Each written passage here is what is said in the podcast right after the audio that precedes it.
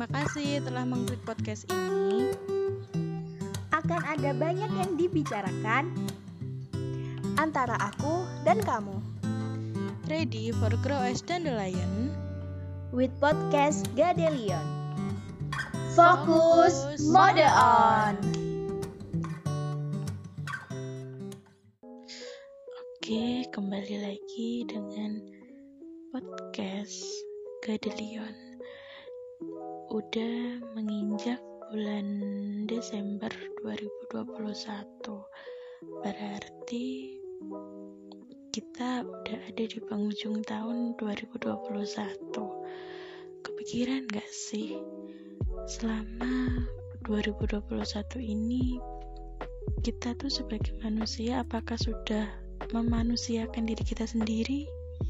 Apakah kita sudah menyayangi diri kita sendiri dan apakah kita sudah menjadi seseorang yang lebih baik dari tahun 2020? Kebetulan banget nih tema yang kita ambil buat bulan Desember ini adalah refleksi diri sehingga kita mungkin bisa sedikit mengaca lah atau melihat ke diri kita sebenarnya kita tuh sekarang seperti apa? Mungkin pertanyaan itu hanya bisa dijawab sama diri kita sendiri kali ya. Dan jika minggu kemarin kita membahas mengenai bad habit atau kebiasaan buruk yang kita miliki di minggu ini kita akan membahas sedikit tentang toxic positivity. Mungkin ada nih sebagian dari teman-teman yang ngedengerin podcast ini baru dengar apa sih toxic positivity itu? Kalau teman-teman pendengar podcast Gadelion juga follow Instagram kita at ga.delion pasti udah ngebaca sedikit tentang definisi dari toxic positivity itu. Aku baca ulang di sini ya. Toxic positivity itu adalah ketika kita menuntut diri kita sendiri atau orang lain untuk selalu bersikap positif sehingga secara terpaksa menolak emosi negatif. Di slide berikutnya, menolak atau menyangkal emosi negatif dapat mengakibatkan kesehatan mental seperti stres dan cemas. Terus di slide terakhir ada kalimat karena emosi negatif bukan ditolak, tapi dikelola. Nah, dari kalimat-kalimat yang tadi aku bacain nih, kita dapat menyimpulkan kalau selalu berpikir positif secara berlebihan itu dapat mengganggu kesehatan mental gitu. Aku juga pernah baca sih di sebuah artikel di internet kalau toxic positivity itu tidak bagus karena saat kita menekan habis-habisan emosi buruk kita, selain dapat menyebabkan stres dan cemas, kita menjadi tidak bisa rileks.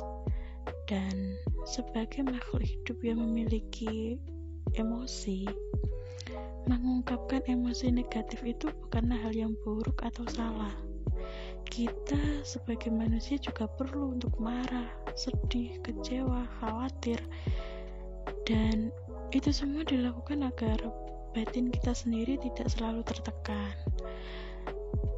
Dan biasanya nih ya, orang yang toxic positivity ini cenderung akan selalu memperlihatkan sisi positifnya, sedangkan di hatinya menahan mati-matian segala emosi negatifnya. Nah, selain dapat membuat stres, cemas, dan tidak rileks, toxic positivity ini juga dapat membuat emosi negatif yang kita tekan yang kita tekan tuh menjadi lebih besar. Hal ini bisa terjadi karena kita terus membuat penyangkalan atau penolakan terhadap emosi negatif ini. Secara sederhananya nih ya, kalau kita sedih umumnya akan lebih lega kalau kita nangis kan. Tapi apa yang terjadi kalau kita berusaha untuk menyingkirkan rasa sedih itu dengan memendamnya? rasanya pasti nyesek banget tuh di dada bahkan terkadang juga bisa membuat kita tuh lebih kalut lagi sebelum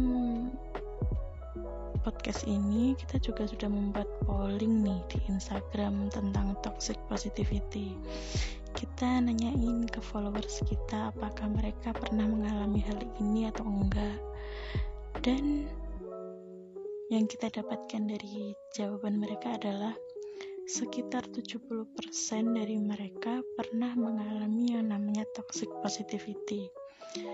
Ternyata banyak juga ya yang pernah mengalami hal ini entah itu disebabkan oleh dirinya sendiri maupun disebabkan oleh orang lain. Jujur sih, aku pernah ngalamin hal ini. Mungkin kalau kalian dengerin podcast Gadelion dari episode pertama nih, aku pernah cerita tentang toxic positivity ini yang terjadi pada diri aku gitu hmm, aku ceritain lagi deh gini jadi waktu itu aku lagi stres banget sama tugas akhir atau skripsian lah ya terus juga ada halangan buat penelitian aku Ditambah lagi, ibuku saat itu sakit. Terus keadaan ekonomi juga lagi jatuh banget saat itu. Ya, terus aku ceritalah ke seseorang yang bisa dibilang dia ini orang yang aku percaya banget buat berbagi keluh kesah gitu. Tapi respon atau tanggapan yang dia kasih itu jadi toksik ke aku. Dia bilang gini, gitu aja udah ngeluh aku dulu lebih sulit ya mungkin tujuannya dia ingin membuat aku agar bisa lebih semangat atau lebih tegar lah menghadapi uji, menghadapi ujian itu gitu. Tapi gimana ya kata-katanya tuh malah membuat aku semakin down.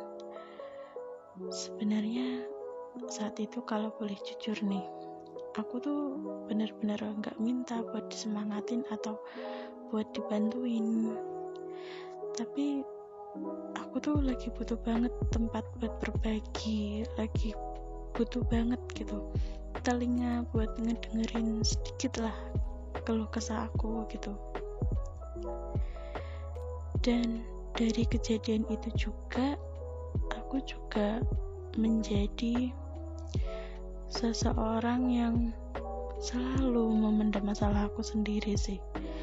Jarang banget cerita ke orang lain. Cerita ke orang pun aku jadi lebih hati-hati gitu terus untungnya lagi nih saat itu aku bisa mendapatkan kekuatan lah ya dengan caraku sendiri gitu. Jadi nih buat teman-teman mungkin kalau ada seseorang yang sedang berkeluh kesah atau bercerita tentang masalah yang sedang dialami gitu. Kalian itu tidak dituntut untuk untuk memikirkan jalan keluar atau solusi dari masalah itu. Kalian juga enggak dituntut untuk terus nyemangatin mereka. Tapi mereka tuh membutuhkan kalian untuk sekedar menjadi telinga bagi mereka dan itu pun sudah lebih dari cukup buat mereka. Hmm, tambahan nih, aku pernah baca sebuah jurnal tentang ini juga toxic positivity ini. Di jurnal itu tertulis gini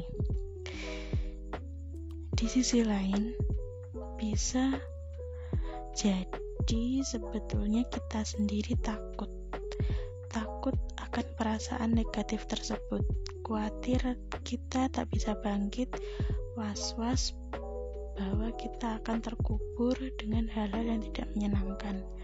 Sehingga kita disarankan untuk mencoba melakukan hal ini. Pada saat kita bercakap pada diri sendiri, aku merasa lelah karena masa depanku tampak begitu suram.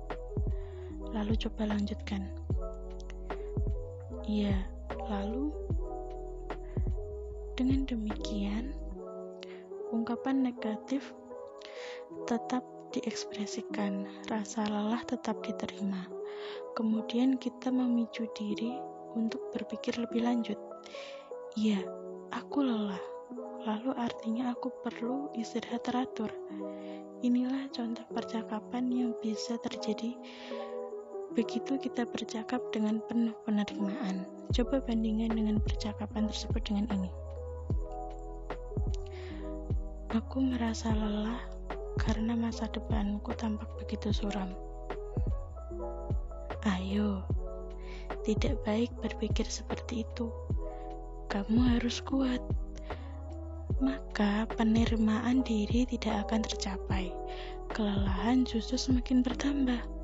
Yang terjadi pikiran menjadi buntu. Kesimpulan bahwa kita perlu istirahat teratur tidak akan pernah berhasil kita raih. Sehingga apa yang terjadi? Kita akan terus lelah, lelah, lelah, dan lelah. Jadi, teman-teman, kita tuh tidak pernah dituntut untuk terus terlihat baik-baik saja. Kita juga diperbolehkan kok untuk menunjukkan bahwa diri kita ini sedang tidak baik-baik saja. Karena itu adalah hal yang sangat lumrah yang kita miliki sebagai makhluk yang punya emosi. Yang salah itu adalah jika kita terus menekan dan menahan emosi itu. Pasti akan sangat melelahkan dan memuakkan rasanya. Oke. Okay. Cukup sampai di sini episode podcast Gadelian kali ini. Semoga dapat diambil hal-hal baik yang kita sampaikan sehingga bisa memberikan insight yang baik bagi teman-teman yang mendengarkan. Sampai ketemu di episode selanjutnya podcast Gadelion Intermission Mode On. Terima kasih, sampai jumpa.